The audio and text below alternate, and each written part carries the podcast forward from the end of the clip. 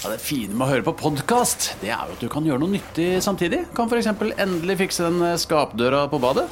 Sånn. Alt du trenger til enkelt vedlikehold hjemme, finner du på Å drive en bedrift uten regnskapsprogrammet TrippelTex er litt som å piske krem uten miksmaster. Det går jo, men det bare tar masse unødvendig tid. TrippelTex, det fleksible regnskapsprogrammet som forenkler hverdagen for over 100 000 fornøyde kunder. Prøv gratis på TrippelTex.no. Har du et enkeltpersonforetak eller en liten bedrift? Da er du sikkert lei av å høre meg snakke om hvor enkelt det er å levere skattemeldingen med fiken, så vi eh, gir oss her. Fordi vi liker enkelt. Fiken superenkelt regnskap. Bli med inn i hodet til John Ausonius. Bedre kjent som Lasermannen. Han nøt å se seg selv på nyhetene, men han var ikke fornøyd. Han skulle jo drepe. Det samme året skulle han skyte to mennesker til, før han omsider oppnådde målet om å drepe. Hør på innsiden av Psykohoder med Jonas Alf Oftebro og rettspsykolog Susanne Nordby Johansen. Gratis der du hører podkast.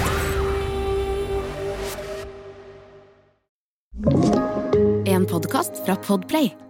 We are uh, yet again breaking det faste oppsatte program, uh, for det skjer ting i rombransjen, så i denne episoden så må vi snakke om Starship. Three, two, one. And lift off! One, two, three, four, five, five, four, three, two, one. Enter bed. Okay, we checked all four systems, and there you go on modulation, all four, and keying with a go.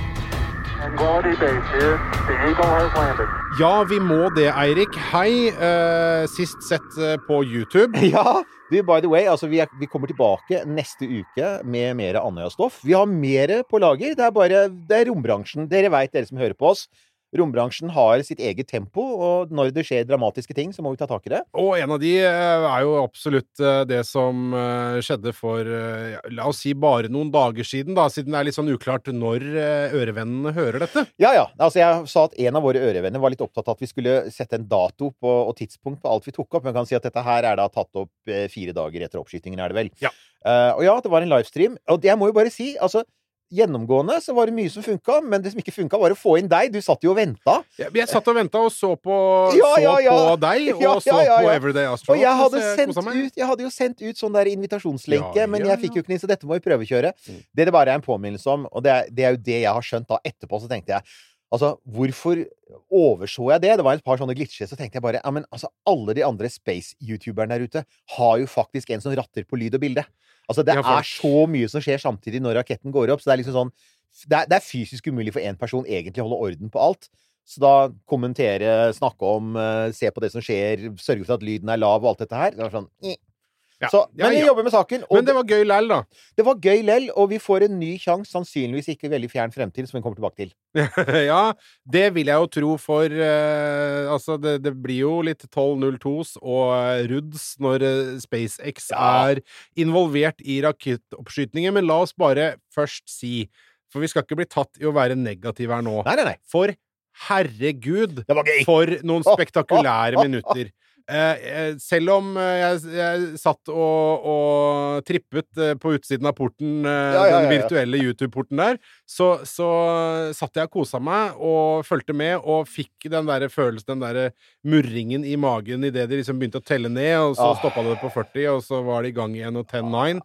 Pulsen går i været, vet du. Se, det var gåsehud. For å se det greiene der gå opp. Og, Um, og, og så perfekt. Det må bare sies. Ja. Altså, det var det det er liksom sånn Du hadde noen ting å gå etter. Vil du se at det fløy biter i alle retninger fra plattformen? Det skjedde ikke. Vil du se at rakettmotorer slokna med en gang?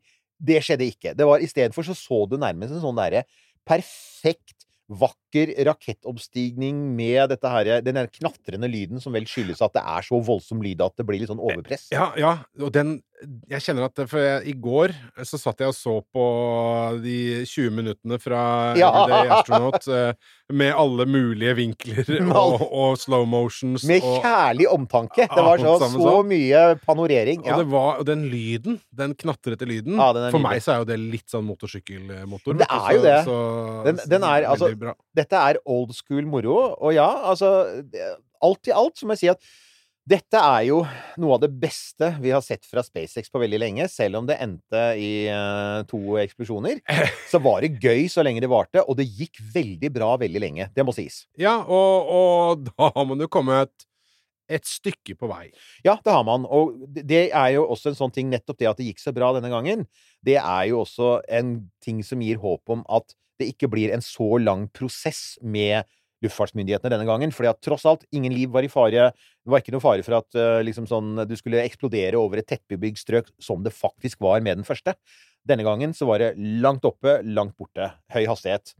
Ja, for, ja. ja, men får jeg bare si det, det, det, det skal jeg ærlig innrømme, at det var litt sånn uklart for meg. For at jeg skjøtta jo ned og måtte forholde meg til noen barn og noen familie og sånne ting. Mm. Etter at det hadde gått noen minutter, og liksom At Starshipen forsvant ut av kamera. Ja. Så takka jeg for meg etter å ha sett eh, liksom eh, Mm. den spektakulære rudden til eh, førstetrinnet der og sånn. Så, så, så, og så var det litt sånn uklart for meg hva skjedde.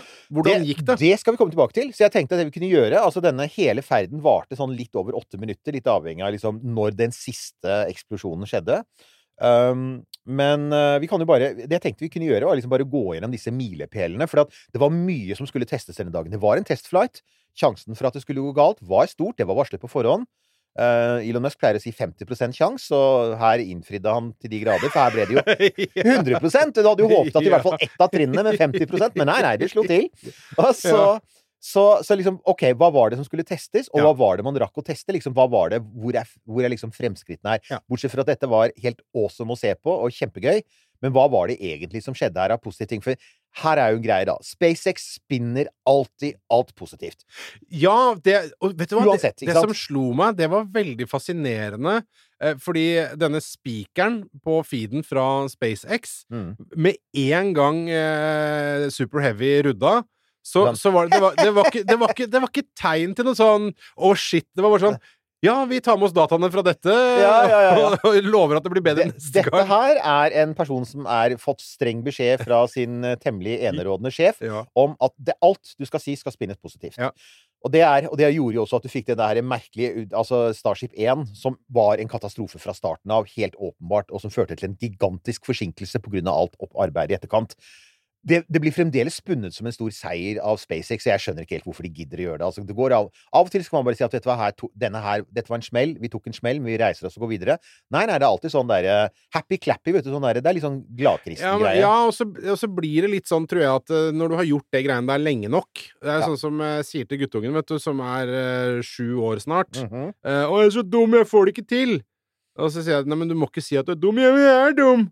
Nei, men hvis du sier det der mange nok ganger, så kommer du til å tro på det sjøl. Ja. Og jeg tror nok at SpaceX kanskje har kommet litt dit. At eh, det er nå, nå er det sånn at, de, at det nesten bare ligger i ryggmargen et eller annet sted der at eh, 'Å ja, shit, vi må bare Dette her er Ja, det er fint, det er datainnsamling, alt er bra. Science, science'. Jeg skal ikke si at det er noe mildt kultisk ved det hele, men det er noe mildt kultisk ved det hele. Det er jo det. Ja. Men Utvilsomt. utvilsomt også at, at veldig mye gikk altså riktig her. Og det aller første var altså oppskytingsplattformen.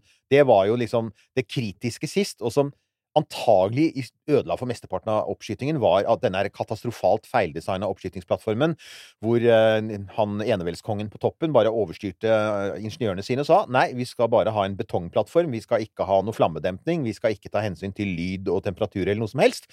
Og det gikk som det gikk. Denne gangen så hadde man gjort Det er Vasa. Ja. Det var litt sånn Vasaskeppet, det der. der. ja, det var det. Helt Ja. klart. Uh, denne gangen så hadde, hadde jo uh, også toppsjefen lytta, og de- du hadde da, de hadde da eh, dette her ganske spesielle vanndemningssystemet. De hadde ikke den typen dype, dyp flammegrop som vi så oppe på Andøya. Nei. Nei, jeg Eh, så det. Det er jo bare Det er jo Ikke sant? Flat, eh, Og så, så vanndempingssystemet, som igjen på Andøya fungerer som de fleste andre steder med at flammene går ned i en grop, og der finner du også vann. Her har du en metallplate rett under opp- oppskytingsplattformen, som for øvrig ser ut til å være den samme. Samme høyde, samme design. Men istedenfor betong på bånn, så er det en tjukk stålplate med hull i, og, og gjennom de hullene så strømmer det vann opp som et sånn omvendt dusjhode. Ikke sant? Det er som når du vender liksom dusjhodet opp mot taket. Og poenget her er da at du skal sprute vann opp mot flammene som går ned, og på den måten skal du da dempe effekten av trykket, varmen og også lyden, som igjen er et kjempeproblem. Du har 240 desibel, og det er helt crazy skadelig. Og det ser ut til å ha funka. Det ser jo ut som Altså, de, de, det virker som om SpaceX her nå eh, på en måte legger mer vekt på water deluge enn for eksempel NASA gjør, da. Eller og sånn Andøya, hvis man skal Ja. bruke det som eksempel. Al al altså at jeg ser, altså Når du har denne gropa, ikke sant, som, som Mm. Andøya har, for eksempel, Mm. så, så vil du jo liksom få noe av det Det går jo unna, det blir, blir ventilert ut til siden og sånn. Mens eh, sånn som SpaceX gjør det, så ser det ut som de baserer seg på at vannet tar opp alt. Det, det, det ser sånn ut, og det, det kan jo hende Nå gjenstår det å se, da. For at, eh, igjen, dette er selskapet som alltid spinner alt 100% positivt. Ifølge noen av seerne våre, jeg har ikke sett det selv, men ifølge noen av eh, lytterne våre, så ble det sett eh, skader på noen av tankene. Det er ingen kameraer gikk i stykker. Og en ting som var et hint om at det kanskje ikke var så 100% perfekt som de sa, var jo at Altså, det du vil se fra en sånn oppskyting med vanndempning, det er, det er hvit røyk. For det er vanndamp.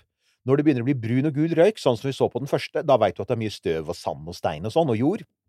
Det var en blanding. Mm. Så at du virvla opp en del, var det. Men igjen, det skada ikke raketten, og det er det Det er det. For at når raketten da løfter, og den holder godt tempo Det ser ut som den, den Altså, sist så ble tre motorer slått ut med en gang. Her brant alle motorene på Super Heavy helt opp til trinnseparasjon. Og det så ut som de brant jevnt, og det var ikke noen rare lekkasjer. Altså, noen observerte noe røyk eh, i enden av flammehalen, og det tyder på at et eller annet hadde gått galt, fordi at metan skal brenne helt clean. Det skal ikke være svart røyk. for at det var en ting jeg tenkte jeg skulle spørre deg om. Ja. For når jeg satt og så på disse her 20 minuttene fra alle mulige fantastiske og mindre Mm. fantastiske vinkler, så ser du at eh, etter hvert som raketten kommer høyere opp, så ser du at liksom, eh, hva skal man si, kjølvannet, da, hvis man kaller det det, Ja. endrer seg. Det gjør det, så det er et eller annet som skjer. Og det jeg tipper det er, er at igjen, disse Raptor-motorene, de er jo upålitelige. Det er imponerende at de har fått dem til å brenne såpass lenge. Eh, dette her er nyere versjoner av motorene, eh, men allikevel så er jo de motorene fremdeles under utvikling, så de kommer nok til å gi fra seg litt sånn De kommer nok til å fortsette å gi fra seg litt sånn rar farge og røyk til tider. um, under hele denne testfasen. For det er, dette, her er, dette er smertens barn, altså. Mm. Men det er jo igjen, det er jo ikke ukjent. Det var akkurat det samme med romferje hovedmotorene. Som de sleit med å få de der eh, digre motorene bak på romferja til å funke. Og Saturn 5 ble jo nesten stoppet av, det, av motortrøbbel. Så det er normalt. Og det, det var positivt å se at denne gangen brant motorene i to og et halvt minutt. Da du til Da er du 60-70 km over bakken, og du, er, og du skal da ta eh, koble fra andre trinnet. Og da kom du til det hot staging. Ja, hotstagingen, som kanskje er, som kanskje er litt et av stridens eh, kjerneepler stenger her, altså. Det er det. For, at, altså, da har du For ideen bak hot staging, og det er jo en ting som russerne har gjort i alle år med sin Soyuz, det er vanligvis når du kobler eh, en førstetrinnet fra et annet trinn på en rakett Du ser det for eksempel på Falcon 9, på disse videoene fra Falcon 9. By the way, merk deg at det var ingen kameraer på Starship. Det er interessant. Ja. Det lurer folk veldig på. Hva var grunnen der? Har de hatt kamera, men ikke vil dele videoene? Vi vet ikke. Men de har slutta med det. I det hele tatt, videokvaliteten var mye dårligere enn den har pleid å være. Vi pleide, jo, vi pleide jo å kritisere ESA for altså Under James Webb så sa jeg sånn Hvorfor er ikke ESA som SpaceX? Mm.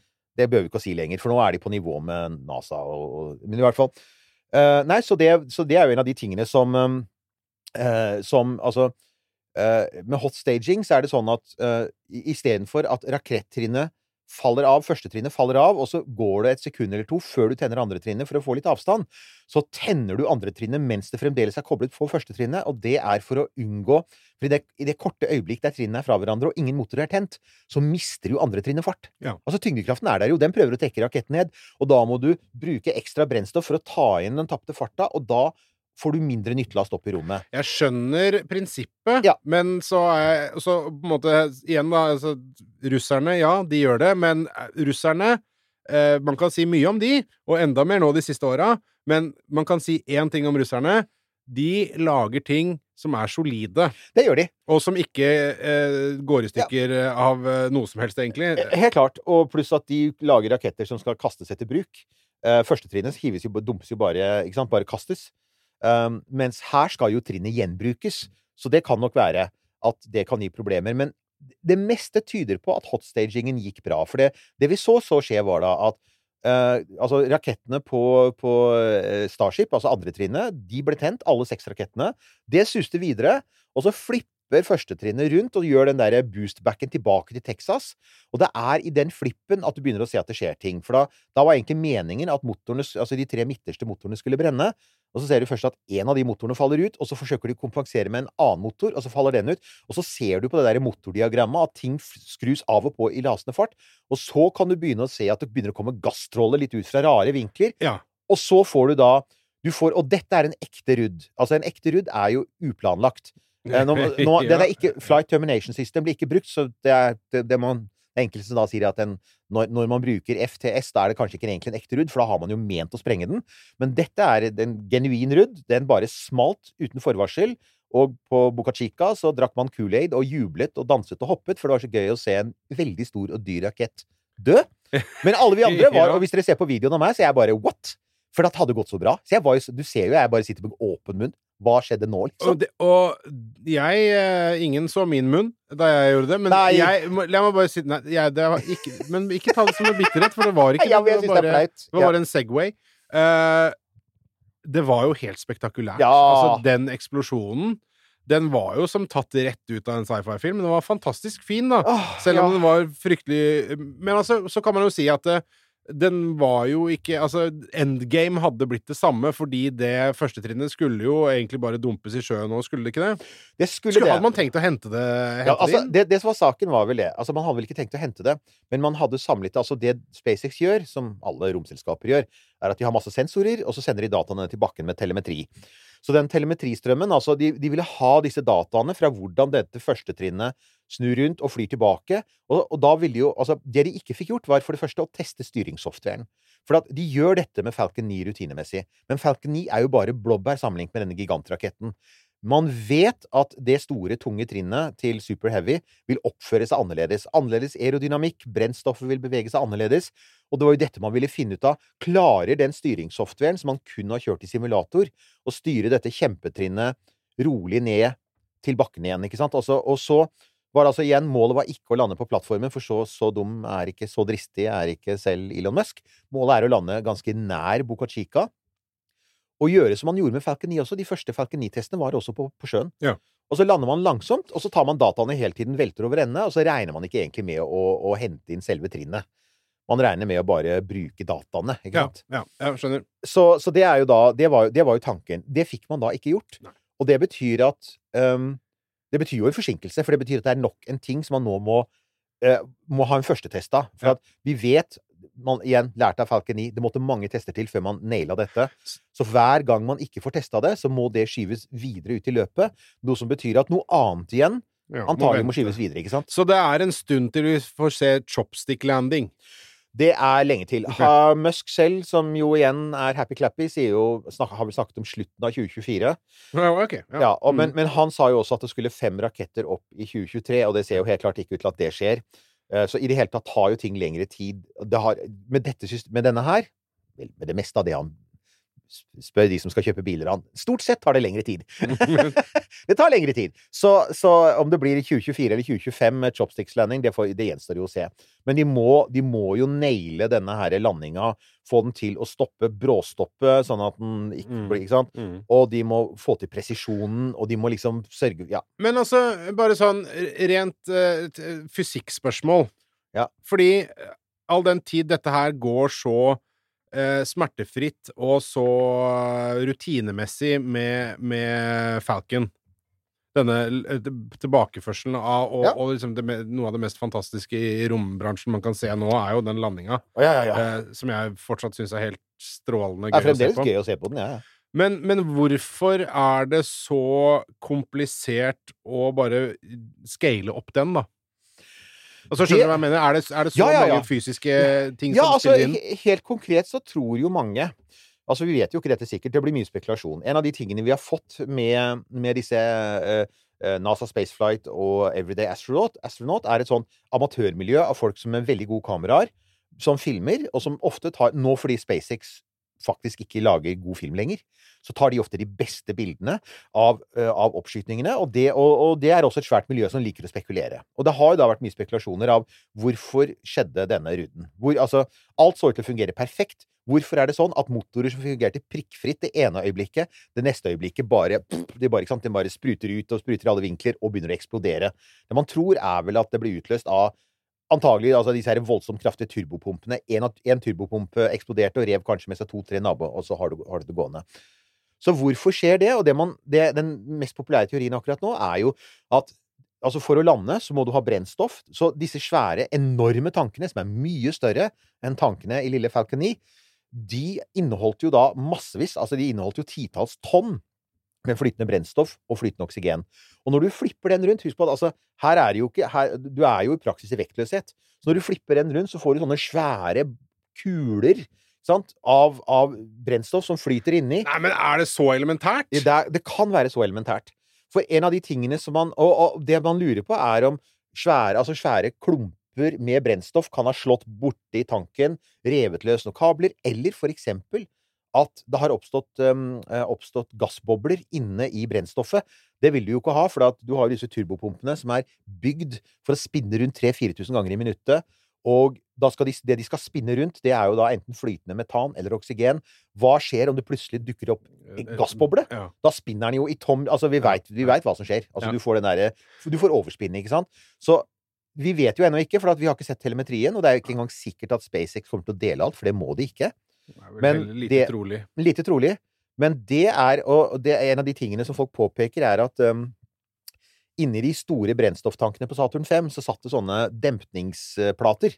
Baffles. Ja. Uh, Visstnok så er ikke dette på innsiden av de svære tankene i Super Heavy, og det gjør at når du først begynner å slosje omkring Ja, ja, ja Så, det, jeg, det skjønner jeg jo, da, Ja, ja. men da blir jeg jo helt sånn Hæ? Ja. Altså, dette her er jo helt sånn eh, elementær tankteori, vil jeg påstå. At man har en eller annen wafer, et eller annet wafersystem, eller noe dempnings... ik ikke sant. Noe kompartimentalisering inni her. Det er ganske enkel fysikk. unngå yes. Så ja, vi får håpe at dette har en enkel fiks, at det Ja. kan handle om at du brenner motoren på en annen måte. For Ja. når du brenner motoren Altså, bare disse tre motorene hadde kommet i gang med boostbacken, så ville jo brennstoffet begynt å samle seg i bånn. Som? Sånn kunstig gravitasjon. Men det er dette her, disse korte sekundene. Når det ikke skjer, det er der man tror det går galt. Så kanskje er det så enkelt som en litt annen flipp-prosedyre. Kanskje er det et større problem som krever at du må installere noe baffles eller noe annet. Altså, vi vet ikke. Men dette er uansett noe som er viktig for SpaceX, for de skal også etterfylle brennstoff i rommet med samme type tanker. Og da vil du også ha problemer med digre klumper, altså digre bobler med flytende brennstoff som driver omkring i store tanker, og hvor det ikke er sånn at du bare kan starte en pumpe i den ene enden og pumpe inn i en annen tank, fordi at brennstoffet er jo ikke den nødvendigvis der du vil ha det, det kan jo være i motsatt ende. Så dette er noe de må jobbe med, og dette er et sånn godt eksempel på en type utfordring vi kan se mer av i framtida. Ja. Men igjen, det kan hende at fiksen er enkel. Det kan jo det. 1202. Ja, det fine med å høre på podkast, det er jo at du kan gjøre noe nyttig samtidig. Kan f.eks. endelig fikse den eh, skapdøra på badet. Sånn. Alt du trenger til enkelt vedlikehold hjemme, finner du på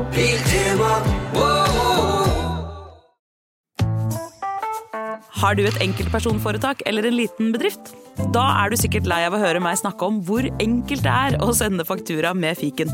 Så vi gir oss her, fordi vi liker enkelt. Fiken superenkelt regnskap. Prøv gratis på fiken.no. Velkommen til Kjemperådet.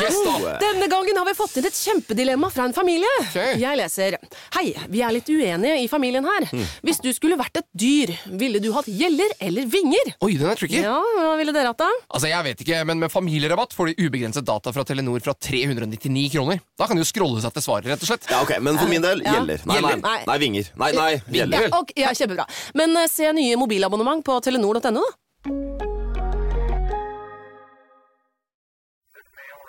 Så har vi kommet til uh, selve The Starship, uh, som uh, Ja, det var jo begeistring, det òg, da. Det var, Det var gøy, da. Men altså, la, meg, la meg bare si det at jeg, jeg måtte sitte og nesten filosofere litt i etterkant når jeg så på det greiene her, for det var ett skudd fra alle disse forskjellige vinklene som Mhm. jeg syns var så imponerende. Når du, det er filma veldig langt unna, så du ser hele det omkringliggende området. Mm.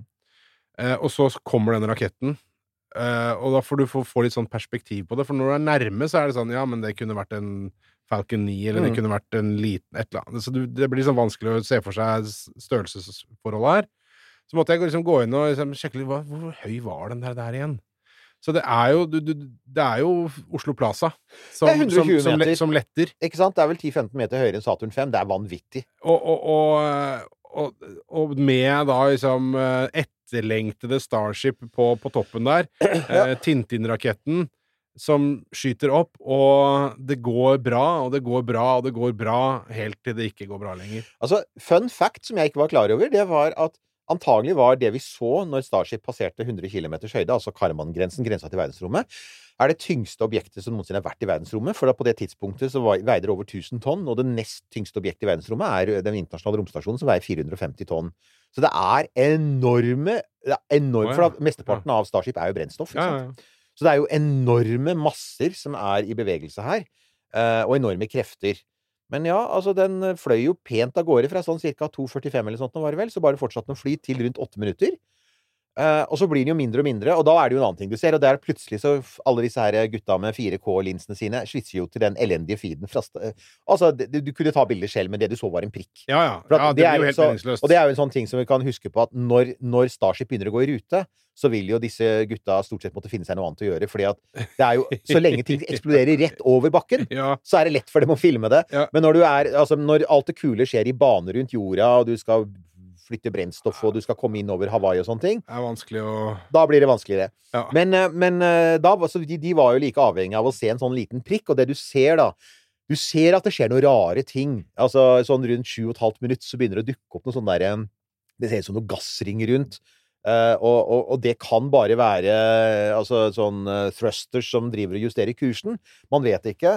Og så, sånn litt etter åtte minutter, så blir det jo stille. Da ja, de fortsetter jo, disse her tre lykkelige happy-clappy SpaceX-ansatte. Det er jo fremdeles sånn woohoo! Og du kan faktisk se på videofeeden til SpaceX, så de filmer jo fra kontrollrommet. Uh, og der ser du jo da Elon og eh, Kimball Musk, broren hans, med denne Du kjenner alltid igjen Kimball, for han er den høyere, kjekkere cowboyhattbærende Ja, det var han, det. Og i Ja, motsetning til Elon, så putter han cowboyhatten riktig vei. Og han har da Han bærer da på dette lille barnet med det rare navnet eh, XYZ. eller Ja, det ja? Det skvær- skveldvær. og de står jo og prater med hverandre, som, så det er helt tydelig at de tror at alt går bra. Ja. Altså, det er ikke noe sånn, det er ikke noe sånn 'Å, shit, nå skjer det noe'. Nei, nei. Og så, da, så kommer det at de får ikke noe telemetri. Og så litt etterpå så kommer meldingen om at uh, FTS, eller at den er blitt detonert, og de mener at det er FTS som har gjort en sånn automatikkting. Oh, ja. Ja. Og så er da Det store spørsmålet er jo da, eh, er jo da selvfølgelig hva det egentlig var som skjedde. Det fins én amatørvideo der ute som deles mye på Twitter nå, og det var en fyr som bor i Florida. For altså, det kan vi jo si, da. eh, Alt dette skjedde høyt over, høyt over Mexicogolfen. Så, eh, så Super Heavy eh, eksploderer Altså rud- eh, rudden til Super Heavy skjer sånn 90 km over Mexicogolfen, og fragmentene falt ned i sjøen, og det, det området skulle jo være tomt for skip, så det gikk jo bra. Eh, så Starship kom jo opp i 150 km høyde og 24 000 km i timen. De var veldig nær banehastighet eh, da, det, da, da det smalt. Ja, for jeg satt liksom og venta på når skal de Når stopper de her? Så jeg, tror, jeg mener å huske at raketten Selve eksplosjonen skjer vel sånn Altså, Starship flyr jo mellom eh, Banen skal jo da ta raketten mellom Florida og Cuba. Du vil av åpenbare grunner ikke fly over Cuba Ja. med en amerikansk rakett. Så du flyr da over mellom i, i, Floridastredet, mellom Florida og Cuba, og så skal du passere Puerto Rico, og så er det da eh, Det er her man da mener at fragmentene har falt ned. Altså at Star, Starship har eksplodert et eller annet sted nær Florida, og så har fragmentene fortsatt å fly ganske langt. Ja. De har landet ved de britiske Jomfruøyene, som er en sånn liten britisk possession, Ah. ikke så langt unna Puerto Rico. Og det er det en, en amatørastronom i Florida Han filmet dette, og det han ser, er at nesa på Starship ser ut til å ha overlevd, og faller mot havet i stor fart. Så det er veldig mye spekulasjon rundt hva det er som har skjedd, og vi får jo håpe at vi får en forklaring, men igjen, ingen garantier gis her. Og jeg, altså min, min favorittforklaring er vel egentlig Altså, det kan ha vært en motorsvikt igjen. Det kan ha vært at et eller annet skjedde med styringssystemet, altså at den var på feil kurs, selv om alt tyder på at den egentlig ikke var det. Og den tredje er at altså, man har fått noen sånne feilmeldinger, og så har Elon sagt, vet du, eh, nå demonstrerer vi Flight Termination System, for det var det som sviktet forrige gang. Altså, forrige gang fikk de masse pes fra FAA, luftfartsmyndighetene, for at Flight Termination System, som skal detonere raketten under oppskyting, ikke fungerte. Den første Super Heavy ble ikke tatt med vilje, ifølge SpaceX selv. Mens hvis de tok ut denne med vilje, så kunne de si se her, vi kan stoppe dette her. ikke sant? Vi har kontroll. Det kan hende. Bortsett fra filmen av Elon viser ikke at Elon lener seg over og sier og trykker på en stor høy knapp. Nei. Den viser at han står og prater med broren sin og, og, og duller litt med barnet sitt. Det, det, det er en helt sånn naturlig sekvens. Så det var noe rart som skjedde der. Sikkert ikke noe konspiratorisk, men Nei, eh, ikke i det hele tatt. Nei fordi altså, vi så jo at uh, det, det ramla jo av noen, uh, noen sånne varmeskjoldbiter der fra Starship uh, på vei opp. Det er Og det har ikke poeng. noe med Det kan ikke ha hatt noe med dette her å gjøre. Det er et interessant poeng, da. Du har helt rett. En av de tingene du ser, er at disse berømmelige varmeflisene til, som du sier, de datt av. Og det, Det datt mange av. det var, jeg, var jeg mange. fikk med meg noen eh, Du, du Eh, trengte ikke noe zoom-linse for å Nei, på, på på videoen se det, men du, du, for du så det tydelig. Jeg så en video hvor de hadde uh, tatt det litt seinere opp i løpet, og de hadde funnet i hvert fall 85 som har falt av. Oi, såpass, ja. Mye. Oi. Og det det betyr, er at denne raketten hadde neppe overlevd gjeninntreden over Hawaii uansett. Ja. Det kan jo faktisk tenkes at, at det ble tatt et beslutning i systemet som gikk på akkurat det. Og sier, vet du hva, den kommer uansett ikke til å overleve. Istedenfor å sende den rundt i Hawaii, Mm. hvor den da kommer til å brenne opp, og vi ikke lærer noe annet enn at OK, uten varmeskjold så brenner du opp, ikke sant? Så tar vi den heller, så tar vi heller og tester FTS, Flight Termination System, og så sjekker vi om det funker. For det måtte uansett testes. Det kan hende at det var, var det som skjedde, men du har helt rett. Det er Altså, og, og det det er det her er liksom nok en gang, da, eksempel på det er, det er, Altså, man kom langt i testen, men her ser vi også hvor mye de ikke fikk testet. De Mm. skulle jo egentlig ha testet å komme seg opp i rommet, den såkalte coast-fasen, altså det å overleve i rommet og bare drive gjennom rommet, Ja. eh, og ha kontroll og ha sånn uh, Bruke reaction control thrusters til å styre den i rommet, slike ting. Uh, og så skulle du da komme inn i atmosfæren nord for Hawaii, og da skulle du få teste varmeskjoldet, og så skulle du teste styreklaffene for å se om du kunne styre den mot en del av havet. Og så Det var ikke planlagt å ta en flipp. Det var ikke Nei. planlagt. Planen var å bare krasje i havet. Ja. Men de to viktige tingene, å få testet varmeskjoldet og styreklaffene, de fikk man jo ikke testet. Så igjen, da. Det må skives til en Men hvor langt opp var det tenkt at den skulle? Eh, Det, det de sa før de starta, var vel 250 km. Nå okay. endte de Det smalt på 150. Så det er også litt sånn diskusjon om på Twitter, da, hvor altså Var den, var den ute av kurs, eller var den på kurs? Jeg tror den var på kurs, så jeg tror det er noe annet som har skjedd der. Men eh, dette her er jo da et eh, Er det én ting Er det én ting Space Twitter elsker, så er det jo å å være sånn amatør Men altså, ofte så har de jo rett, da. Altså, dette er jo Det er jo, det er jo På en måte så er det sånn Jo, det er mye komplisert teknologi her. Igjen, disse her turbopumpene er noen av de mest kompliserte og kraftige maskinene på kloden. Men selve fysikken i det er jo ikke så vanskelig. Altså hvis Nei, sier du, ja. Snakk for deg sjæl. jo, jo, men altså, ikke? For eksempel dette, da. Hvis motorene ikke brenner på full styrke, så kommer du ikke opp i rommet, ikke sant? Basically. Mm. Det, du, det du skal ha Jeg tror målet var en fart på 24, 27, 27 400 eller noe sånt nå, og de, de smelter på 24 000. Og da vet du, altså, For det folk lurte på, var ble det noe romsøppel skapt av dette, og det kan vi si at nei, det ble det ikke. For skulle du ha fått romsøppel av dette, så måtte noen av de delene som eksploderte, fløyet i samme retning som romskipet med en fart på 3000 km i timen. Ja. Og det er, det, altså, så kraftig var ikke den eksplosjonen, så det er det ingen som tror. Så alle fragmentene falt jo da ned utenfor Virgin Islands, og har visstnok begynt å dukke opp, by the way, på eBay.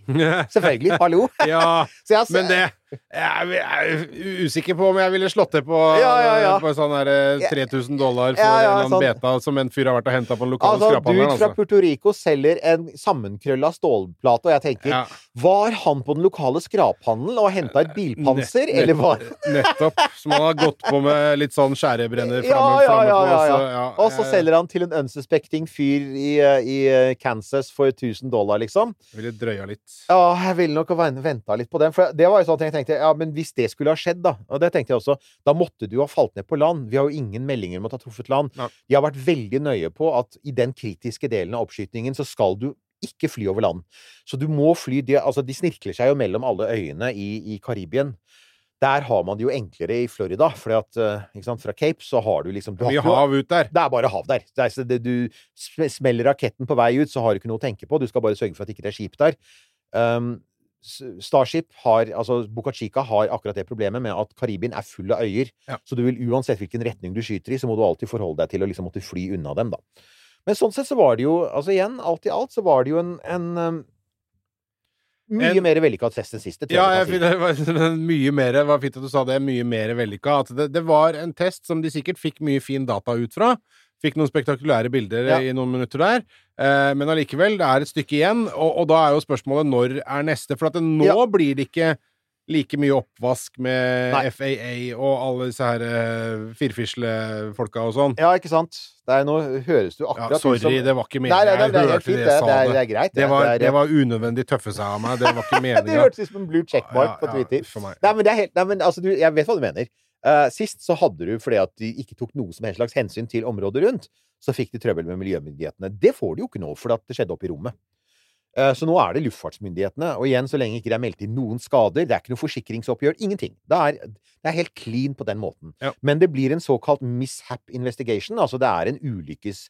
Så det er ikke en havarikommisjon, det er det ikke. ikke? Det er, det er en, en, en ulykkeskommisjon som skal Mm. bare gå gjennom hva SpaceX selv kommer gjennom, og det er den andre tingen som er viktig å huske på, at det er, dette er, igjen, det er ikke, det er ikke menneskeliv involvert, så du kommer ikke til å ha en uavhengig havarikommisjon som skal se på dette, liksom uavhengig av produsenten. Uh, SpaceX skal få lov til å lage sin egen ulykkesmelding, og så skal FAA gå gjennom den, og så skal de godkjenne den eller ikke godkjenne den. Eh, nå er det jo sånn at Fremdeles er det jo sånn at det er et lovverk i USA som gir selskaper som SpaceX, New Space-selskaper, veldig stor frihet til å diktere sine egne vilkår. Så det er vel ingen som forventer, så sant det ikke skulle dukke opp noe sånn spektakulært som ikke er sett nå, da, så er det ingen som forventer noe annet enn at dette her burde være over ganske fort. Altså i løpet av, i løpet av noen uker, antagelig. Ja, for jeg regner med at etter hvert så har de jo også god erfaring med å skrive sånne rapporter. Så Ikke sant? det eh, Men så greit. kommer vi da til eh, romkapsel første lov, selvfølgelig er som jeg sier, når da SpaceX selv tror at det kan skje i løpet av fire uker. Det plasserer, neste, det plasserer neste oppskytning i slutten av desember. Det. Da er vi nærmest i julestria. Og hva sier vi om ting som er i desember? Jo da, nei, det vet jeg, men, men, men bare sånn at når det er sagt, så tenker jeg at eh, Elon Musk bryr seg ikke om julestria. Han Så gjør han ikke det. noe faen. Om noen skal klare å bryte denne her stålharde loven vi har sett eh, følges her i romkapsel For altså, det må jeg si at alle holder jo den. Du Ja, kan ja. si det nå. All kudos til Andøya, men det, er jo ing- det, blir jo ikke noe oppskyting der før jul, selv om det sto 'not earlier than December'.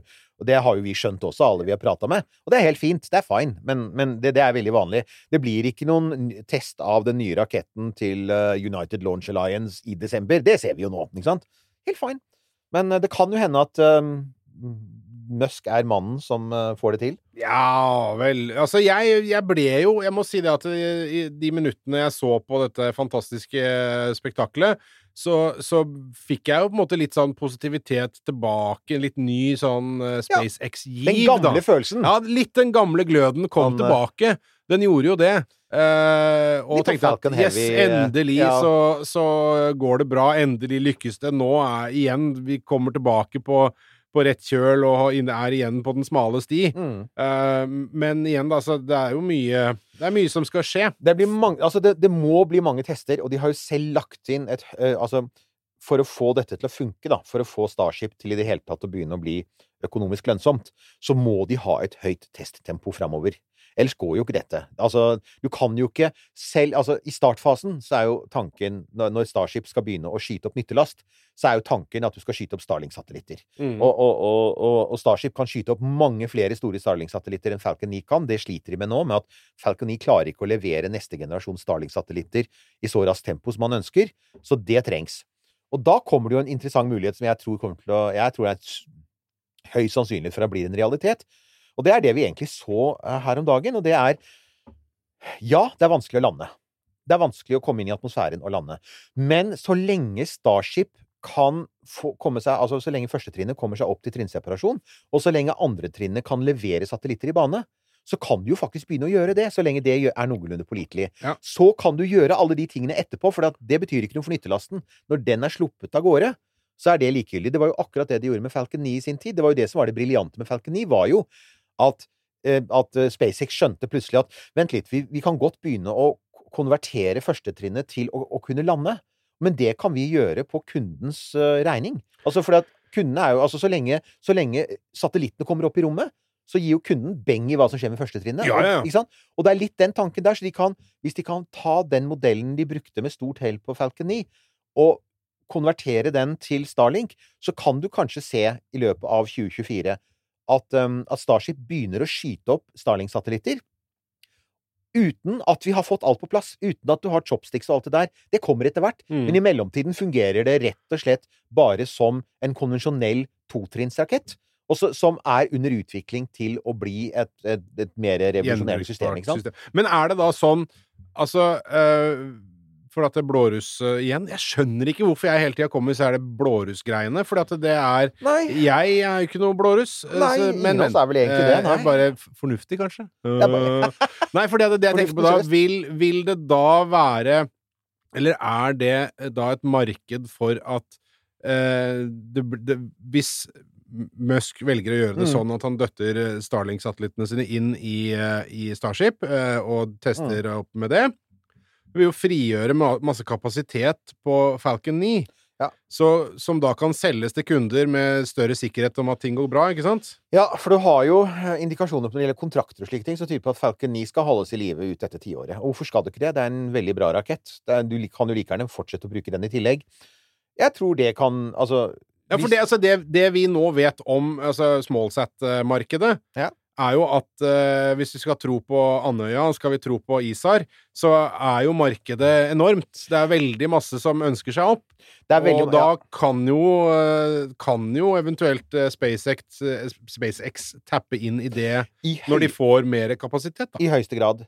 De kan senke prisene. De kan I praksis så vil de ha en veldig sånn svær og fleksibel pakke å tilby til kundene. Og også antagelig et mye, mye større frihet til å tilby ting til lav pris. Jeg tror det Altså, det er av de tingene som man kommer til å måtte um, stå overfor Altså som, som også Andøya kan komme til å stå overfor, men ikke minst Andøyas kunder. Altså ikke Andøya Space. Altså plattformen er der, og Forsvaret er involvert, så jeg regner jo med at liksom anlegget kommer til å driftes, men hvorvidt alle kundene de har planlagt og etter hvert hanke inn, da, Mm. eh, hvorvidt, hvor, hvor, hvor enkelt det blir for dem hvis dette lykkes, og det plutselig frigjøres, som du sier, masse kapasitet i som alle, Og SpaceX har allerede mye kapasitet. Hvis du da i tillegg liksom, hvis du får to høykapasitetssystemer opp og fly, så er jo det Ja, helt klart en utfordring så- for hele rommarkedet. Ja, og så tenker jeg jo da at da har jo, som du også er inne på, da har jo han mulighet til å altså, nærmest dumpe prisene, ikke sant? Ja, fordi eh, da kan han eh, skupe inn det som er, fordi at eh, litt inntekt er bedre enn ingenting. Ja. Og, og etter hvert så bør jo SpaceX få en annen kunde enn seg sjøl. Det, det bør de jo. Eller Og- flere kunder enn seg sjøl. Ja da. Og for det er jo den ene tingen som ligger bak der hele tiden. Det er jo det, er det økonomiske. Eh, De lever på Musks penger og på investormidler. Eh, Og, og jo da, eh, planen er å gjøre masseproduksjon og gjenbruk skal gjøre at Starship skal bli veldig billig. Og Starship skal levere liksom sånn oppskytinger til 100 dollar kiloen, der man i dag ligger gjerne på 5000-10 000 dollar kiloen oppe i rommet. Da det, når jeg hører det, da, så tenker jeg at det fins jo altså for at, Når man diskuterer dette systemet, så er det altså Elon Musk er jo blitt en sånn mann som, som splitter folk veldig nå. Det er, det er han jo. Han har gått fra å være liksom sånn nerdesæring til Ikke sant? Og, Ja, ja, ikke sant? og akkurat nå så er halve verden er. sint på han fordi han er antisemitt, eller, og andre halvparten av verden sier nei, men han er ikke antisemitt. Ikke sant? Det er Elon Musk i et nøtteskall nå. Og derfor så blir også meningen om tingene han gjør, veldig delte. ikke sant? Ja, Tesla selvkjøring er rett rundt hjørnet. Nei, Tesla selvkjøring kommer aldri. Starship ah, vi skal til Mars om fem år, ikke sant? Nei, Starship kommer aldri til å funke, ikke sant? Det jeg tenker, da, er jo at altså Det, det, det, det fins jo Altså, så du har liksom sånn Enten funker det, eller så krasjer det, prosjektet. Men det fins jo tredje alternativ, og det har vi jo sånn historisk bakgrunn for. Det er romferja. Hvis du går tilbake til 70-tallet, så sa jo NASA akkurat det samme om romferja. Som, som jo var det første gjenbrukbare romsystemet. Det var et gjenbrukbart romfly. Du brukte alt unntatt den svære tanken. ikke sant? Og det NASA sa, var vi skal, det skal være som en buss i rommet. Vi skal ha, fylle opp, vi skal ha 50 passasjerer i lasterommet. Eh, Det skal være 100 dollar per kilo, ikke sant? Og så begynte vi å skyte opp romferja, og så oppdaget vi at oi, gjenbruk var vanskelig. ikke sant? Oi, eh, vi skulle jo egentlig bare plassere romferja på plattformen, fylle opp tanken og fly igjen. Å nei, vi måtte ta fra hverandre motorene. Å ja, det viste seg at de ble mye mer belasta, ikke sant. Alt dette her. Og det er jo kanskje, spør du meg, så er det kanskje det mest realistiske scenarioet for Starship. Er jo ikke at ikke raketten blir av, blir noe av, men det derre At det derre Ja, voldsomt den derre intensjonen, altså den, den store intensjonen blir ikke det den ja, kanskje ikke sant? var tegna ut til å være. At, ikke sant? Etterfylling av Men brennstoff på da to har- timer og alt det der, ikke sant? Da har jeg et spørsmål. 1202. Noe av det som er så fint med podkast, det er jo at du kan høre på samtidig som du gjør noe annet. da Rydder i kjelleren eller boden, f.eks. Og alt du trenger av flytteesker og oppbevaring, det finner du på Velkommen til Kjemperådet! Yes. Denne gangen har vi fått inn et kjempedilemma fra en familie. Okay. Jeg leser Hei, vi er litt uenige i familien her. Mm. Hvis du skulle vært et dyr, ville du hatt gjeller eller vinger? Oi, den er tricky. Ja, hva ville dere hatt da? Altså, jeg vet ikke, men Med familierabatt får de ubegrenset data fra Telenor fra 399 kroner. Da kan de jo scrolle seg til svaret, rett og slett. Ja, ok, Men for min del Ja. gjeller. Nei, nei. Nei. nei, vinger. Nei, nei, gjeller. Ja, okay, ja, kjempebra. Men uh, se nye mobilabonnement på telenor.no, da. Nå er det påskesalg hos Ark. Du får 30% på påskekrim og 40% på alle spill og puslespill. Jeg gjentar Ark har 30% på et stort utvalg krim og 40% på spill. Det er mye påske for pengene. Så hamstre påskekosen i nærmeste Ark-butikk eller på ark.no. Hva skjer da med alle pengene Elon Musk har fått fra NASA til å lande på månen med Starship? God fråga. Det har jo nå begynt å dukke opp rykter om at NASA internt har sett for seg for Bak det hele ligger jo ikke bare om de får opp Starlink. De har en kontrakt med NASA, Ja. ergo den amerikanske regjeringen. Ja. Og, og, og det er jo ikke en Altså, det, det er en tilgivende kunde opp til et visst nivå. Det at er åpenbart, opp, men, ja. opp til et visst nivå, men jeg mi- mi- mistenker jo at Musk, i likhet med Putin, håper at Trump vinner valget neste høst. Fordi at de har jo en president nå som altså, har har gått veldig hardt ut mot, mot Musk og alt han gjør. Men han har en kontrakt om å sende eh, mannskapet på Artemis 3. Altså Artemis 2 skal jo sende folk rundt månen i desember 2024. Nei, kødder du med meg? Nei, nei, nei. Er det det? Ja, det er desember 2024, og vi Deilig. veit hva som skjer. Ja. Og det betyr og, Men så er da planen var jo da Earthrise 2.0. Ikke sant? Ja. Det er jo det det er, egentlig. Og så er da planen å sende Artemis 5, Artemis 3, som er den første månelandingen etter 1972. eh, og sende den til månen i 2025, var Ja. jo den opprinnelige planen. Og det, hvis du går inn på NASAs side, så vil du se at det fremdeles står der sånn tentativt. Det er jo ingen som egentlig tror det lenger, fordi at Starship er så kraftig forsinket. Igjen, Musk-fans, det er kraftig forsinket. Det, er, det har ikke gått så veldig fort. Og, og da er jo spørsmålet hva gjør man da? Og NASA har jo begynt å snakke om at det kan tenkes at Artemis 3 ikke blir en landing på månen, men at det kanskje blir Artemis 4 eller 5, og at Artemis 3 istedenfor blir at Starship flyr til Gateway, den romstasjonen i bane rundt Ja. månen, og dokker med den og gjennomfører noen tester. Men har, de, men har de da låst seg til at dette her skal, altså, dette her skal skje med Starship, eller kan de gå og si at nei, men vi velger en annen? For de har jo begynt å sette noen penger i en, i Ja, ja, ja. en annen De har jo altså Blue Og, Moon. ja, og ja, Ja. ikke Blue Moon, som vi har sett på, Ja. eh, ser jo mer eh, Akkurat- lovende ut, da. Akkurat nå, så ser jo det, akkurat nå så tror jeg det ser mer og mer fristende ut for NASA, fordi at Blue Moon er mye mer konvensjonelt. Det er altså Jeff Bezos sitt prosjekt. Mm. By the way så går det jo nå sterke rykter om at um, Altså, det skjer ting i denne bransjen hele tiden, folkens. Jeg tror dere skjønner hvorfor vi måtte ta en sånn innstikksepisode. Uh, jo, det uh, går eh, Altså, United Launch Alliance, som jo er hovedkonkurrenten til SpaceX i det amerikanske markedet, denne sånn etablerte saken med Tori Bruno som toppsjef, de er jo nå til salg. De skal oh. Å. det, ja, det selskapet skal nå selges. Det har kommet inn tre bud på selskapet, og ingen har sagt det, men eh, men som det var en uh, innsider i Og derfor så følger jeg fremdeles Jeg er fremdeles på X med romkapsel, fordi Ja, ja. det er der Folk er fremdeles der at de sier Å, jeg var på en konferanse i går, og da snakket jeg med en fyr som sa uh, det selskapet med den der skilpadden i logoen ligger best an til å få den, med andre ord. Blue Origin. Which would make sense. Det ville jo gi mening, for at de lager allerede rakettmotorene til ULAs neste rakett, Vulcan. De er allerede tungt involvert i prosessen i uh, ULA. Oi. Og hvis det skjer, da, så har plutselig Jeff Bezos raketter å skyte opp i bane. Da har han plutselig Da har han faktisk rakettkontrakter med de eksisterende Atlas-rakettene. Så det tenkte jeg Oi, det, det vil faktisk være en game changer. For da går det plutselig fra Ja, mannen har jo ikke engang rakett som kan gå opp i bane. Jo da, det har han jo da. Eh, Shit. og ja, da blir jo- det er jo hva Det er jo nytt paradigme, nærmest. Ja, for da får du også tusenvis av nye ansatte, ikke sant? Og mange av de beste ingeniørene. Altså, SpaceX har jo nytt godt av å hale hanke inn eh, ULA-ingeniører. Dette her er igjen fra de gamle Aerospace-selskapene. Det er ikke noe veien med kvaliteten på dem. Det er folk som aldri ville godtatt den første oppskytingsplattformen for øvrig, ikke sant? Så, så jeg tenker at det, det der det, det skjer interessante ting i dette markedet nå.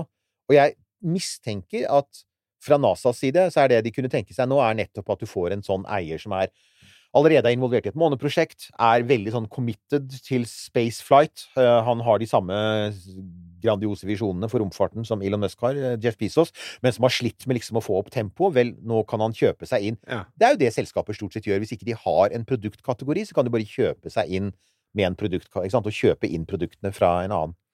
Så det kan bli interessant. Ja, det, det er jo Ja, ok, ja, det kan jo Shit, ja, det, den kniven der tror jeg at eh, Elon Musk kjenner uh, greit jeg på strupen. Tro, jeg tror at uh, vår uh, ja, må han piske hardere på Buca Chica. Ja, det var det, ja. ja det er fin Segway. Ja, det stemmer. For det har jo dukket opp en sak, jeg tror det er sikkert det er kanskje noen som har sett det. Det har vært en sak som har gjort mediene i det siste. Og det er i forrige uke så slapp nyhetsbyrået Reuters slapp en reportasje, og den er grundig. De har jobbet med den nå i måneder, så det er ingen tvil om at dette her er Og det er basert på offentlig tilgjengelige data, så dette er ikke en sånn derre synseartikkel, som det er litt mange av når man snakker om SpaceX. Eh, de har sett på arbeidsmiljøet på, på Boca Chica. Og grunnen til det var at det var begynt å komme en del eh, sånn anonyme varsler. Det kommer anonyme varsler, for du kan ikke varsle offentlig, for da blir du sparket fra, fra Det vet vi jo. SpaceX har en sånn konsekvent politikk på at hvis du sier noe som er i strid med selskapets interesser, enten det holder det eller ikke, så er, du så er du ute. Det er amerikansk arbeidsliv, ikke sant? Ja. Så, så, eh, men det har kommet varsler om at det var mye arbeidsulykker. Så hadde de gått gjennom eh, statistikken til det amerikanske arbeidstilsynet, som heter Occupational Safety Hazard Agency, eller sånt. Altså OSHA heter de. Okay. Og OSHA har, samler jo inn statistikker, sånn som Arbeidstilsynet gjør i Norge, fra alle deler av arbeidslivet. Eh, en interessant Også rombransjen. Og de har jo da eh, offisielle statistikker for ulykkesfrekvensen i, rom, i rombransjen, som er hva var det, 0,8 ulykker per 100 ansatte per år. Og for å sette det i sammenheng, da, Arbeidstilsynets siste rapport fra bygg- og anleggsbransjen i Norge, som er rimelig å sammenligne med når det gjelder Buca Chica, for det er mye bygg og anlegg der, er 11 ulykker per 1000 per år. Med andre ord 1,1 sammenlignet med 0,8. Så, så de ligger i det samme landskapet. Ja. Det er for høyt, men det er i hvert fall så er det, det er i samme landskapet. Så ser de på statistikken for Boca Chica, så finner de 4,8 ulykker per 100 per år. Ja. Det er fem ganger over bransjestatistikken, og så sier de 'hva kommer dette av?' Så begynner de å snakke med folk, og så oppdager de at det har vært 600 alvorlige ulykkestilfeller. Og det har vært crazy forhold, og det, det er dette høye tempoet. Ja, det høye tempoet er der, og han har ikke råd til å ansette for mange nye, sånn at det han gjør, er at han presser de ansatte eh, som er der allerede, og da snakke om, de snakker om 80 timers arbeidsuker. Var det 80? 80. 8-0. 80 timers arbeidsuker Ja. har vært helt normalt. Eh, det har vært masse, masse masse brudd på helse-, miljø- og sikkerhetsforskrifter. ikke at det er så veldig mange av dem i amerikansk arbeidsliv, Ja, men igjen, det er jo sant. ja. sant? Ja. Så du har det. Du har eh, massevis av uhell som kunne vært unngått. Massevis som ikke rapporteres. I, I flere år har de ikke rapportert inn noe til OSHA. Så statistikken det, Dette er antagelig en underrapportering av skadenivået. Fordi det er så mange tall som ikke er kommet inn. Jeg tror det er tre-fire år hvor det knapt er kommet noe data fra SpaceX. ikke sant? Og det slipper de unna med. Mm. Så er jo da så blant, blant tingene som da er avdekket fra anonyme ansatte, er jo for eksempel at Elon Musk jo, og det kan man faktisk se på noen av filmene han også, selv ikke syns at det er særlig viktig å gå rundt med vernehjelm og vernesko, sånn som vi da gjorde på Ja, altså, vi har jo vi har nettopp vært det, og da var de jo ganske opptatt av det. Eh, Vernehjelm, vernesko, sånn gul vest, ikke sant? og gul vest og greier. Ja, Ja. og gul vest-greia er, Ja. er jo av, av de mest absurde tingene. Dette er jo også kjent fra Tesla, da. Nei, det viser seg at Elon Musk er jo stakkars mann, han er så sensitiv for sterke farger. Dette er altså Det er seriøse journalister, folkens. Dette er ikke et rykte på Twitter, og det er bekreftet fra mange hold. Ja. Så det han har fått i, i Tesla, så fikk han malt over gule varselstriper på gulvet, med den følge at folk faktisk skada seg. Så det er jo Ja. på den siden latterlig, og på den andre siden er bare en- tragisk. Ja, eh, det er en grunn til at selv om Altså, nå Jeg driver jo mye med Og så befatter meg en god del med sånne HMS-regler. Ja. Fordi jeg driver og leser Noen har jo til og med sendt melding om at de har hørt meg på sånne kurs. Sånne e-læringskurs. For det er mye eh, HMS som jeg driver med der. Din Og- sonore røst kan spres utover landet. Ja, det er bra. ja, ja, og da- og godt formål. Det er jo mye, mye kompliserte regler som er litt sånn Jeg skjønner ikke at folk får anledning til å jobbe, for det er så mye regler og mye sånne Det ting man det. skal gjøre. Men så tenker jeg, det er jo en grunn, Elon. There's a reason why shit is yellow and fluorescent. Så no, nemlig, så nei, ikke be ansatte om å ta av seg de gule vestene. Nei, ikke be eh, Boca Chica om eh, folk på, ansvarlig på Boca Chica om å male anleggsmaskiner i duse grå og blå farger, fordi at toppsjefen er så veldig sensitivt for gult og oransje. Det er jeg mener. Og nei, eh, Elon, ikke løp omkring på anlegget og lek deg med flammekasteren, som han også er blitt sett til. Det er sånn dette, det er, Det er, men, men altså eh, Det det er jo mye med det er, det er jo alvorlig, selvfølgelig, det er jo det, men altså, det er jo litt hilarious også. For se for deg at liksom toppsjefen i eh, Hydro eh, skulle gå rundt og bare be de ansatte om Du, slutt med disse her, disse her disse her gummidressene som dere har på dere når dere flyr på helikoptrene ut til uh, De er så stygge. De er så stygge. Kan dere ikke heller ha på dere noe pent? Det er jo Altså, han, kall, han kalles jo ikke uh, the, the world's biggest manchild uten grunn. Altså, det er litt sånn mannebarn ved hele greia. Ja. Og det er jo Altså, det sier jo alt om den siste måneden at han har brukt mye av den Altså, dette er jo en, også en, en nyhetssak som nettopp dukket opp, og det er at han Han har brukt ganske mye tid nede på Boca Chica på å unngå sin ekskjæreste Grimes, fordi at hun prøver å få overlevert noen sånne papirer i et søksmål for å få custody av, av dette stakkars barnet. Ja, ja, det stakkars lille rare barnet med det rare navnet. Fordi at uh, hun føler at han ikke er en spesielt god Sideræl! Er det ikke noe sideræl? Er ikke det noen jenter? Jo, noe Det var sånt. noe noe. sånt. Ja, ja. ja. Så, så, så da er det, det, det altså, det- det- Visstnok så har de klart å overlevere noen papirer i porten på boka. Det er bare kaos! Mannen er liksom en vandrende kaossentrum nå. Så når jeg bare hørte Jeg tenkte Det som de sa om livet på Boca Chica som arbeidsplass, er sånn Det hørtes for det første for rart ut til å være sant, så tenkte jeg ja, men vent litt, det er denne, det er denne mannen vi snakker om. Så en, så en siste ting, da. Hvorfor er dette relevant for, for romkapsel? Bortsett fra at det selvfølgelig er litt ålreit at vi bryr oss om de som bygger ting og lager ting. Uh, det er nå én ting. Det er viktig å få sagt. Det er jo de, det er faktisk helt vanlige amerikanere som bygger alle disse her tingene for milliardæren Elon. og- Chad and Roy. Ja, Weldon som stuff. Ikke sant? Ikke sant? Men dette handler jo også om at sikkerhetskultur også går utover produktkvalitet. Ja. Det gjør det. Og det tristeste eksempelet vi har allerede nevnt, det, det er romferja. En av de tingene man oppdaget da Challenger eksploderte, var at det hadde vært et giftig arbeidsmiljø i NASA, hvor folk som var varslere, ikke turte å si fra om at de så at det var problemer med romferja. Og kvelden før Challenger ble skutt opp, så var det jo et møte hos Morten Tyokol, som er litt blitt legendarisk, hvor det blant annet er en sånn um, en ansatt som het Roy Beaujolais, som jo hadde, var en av flere som hadde tatt ordet og sagt men våre data, vi er ingeniører, våre data viser helt krystallklart at du skyter ikke opp når det er så kaldt, fordi at O-ringene ikke vil tåle trykket da, de er ikke fleksible nok. Og de ble overstyrt av sjefen, og de ble overstyrt av NASA, og de fikk masse pepper i etterkant, internt. Det er en, altså, så ja, det handler ikke bare om at, at vi bør faktisk bry oss om hvordan de som jobber for Elon Musk har det. Det handler også om at hvis du er opptatt av at Starship skal komme seg til Mars, så vil du at det skal bygges under fornuftige arbeidsforhold, fordi trøtte folk gjør feil. Det er jo en, en tredje forklaring, sant, at vi snakker om, vi snakker om disse ruddene. Det er én mulig forklaring på at de skjer, er jo at det er en eller annen stakkar som har jobbet 80 timer, og som Elon så sier 'Kan du feste og skru den skrua?' Og så gjør han en feil. Er det én ting vi har lært av flyindustrien, så er det at trøtte ansatte med stort ansvar for sensitiv teknologi gjør små feil som får katastrofale konsekvenser, ikke sant? Så det er en ting å huske på. Mm. Og for øvrig, by the way, NASA har jo også fått kritikk i denne artikkelen, fordi NASA det, det, um, um, Reuters hadde regna på hvor mye penger har NASA gitt til SpaceX opp gjennom årene. Det er 11,8 milliarder dollar, du.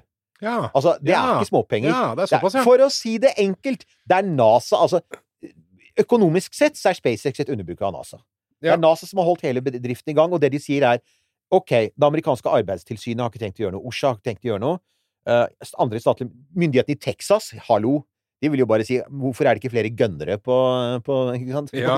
Starbase? Men kan NASA, som jo faktisk har en god arbeidsstatistikk selv, hvorfor kan ikke de gjøre noe?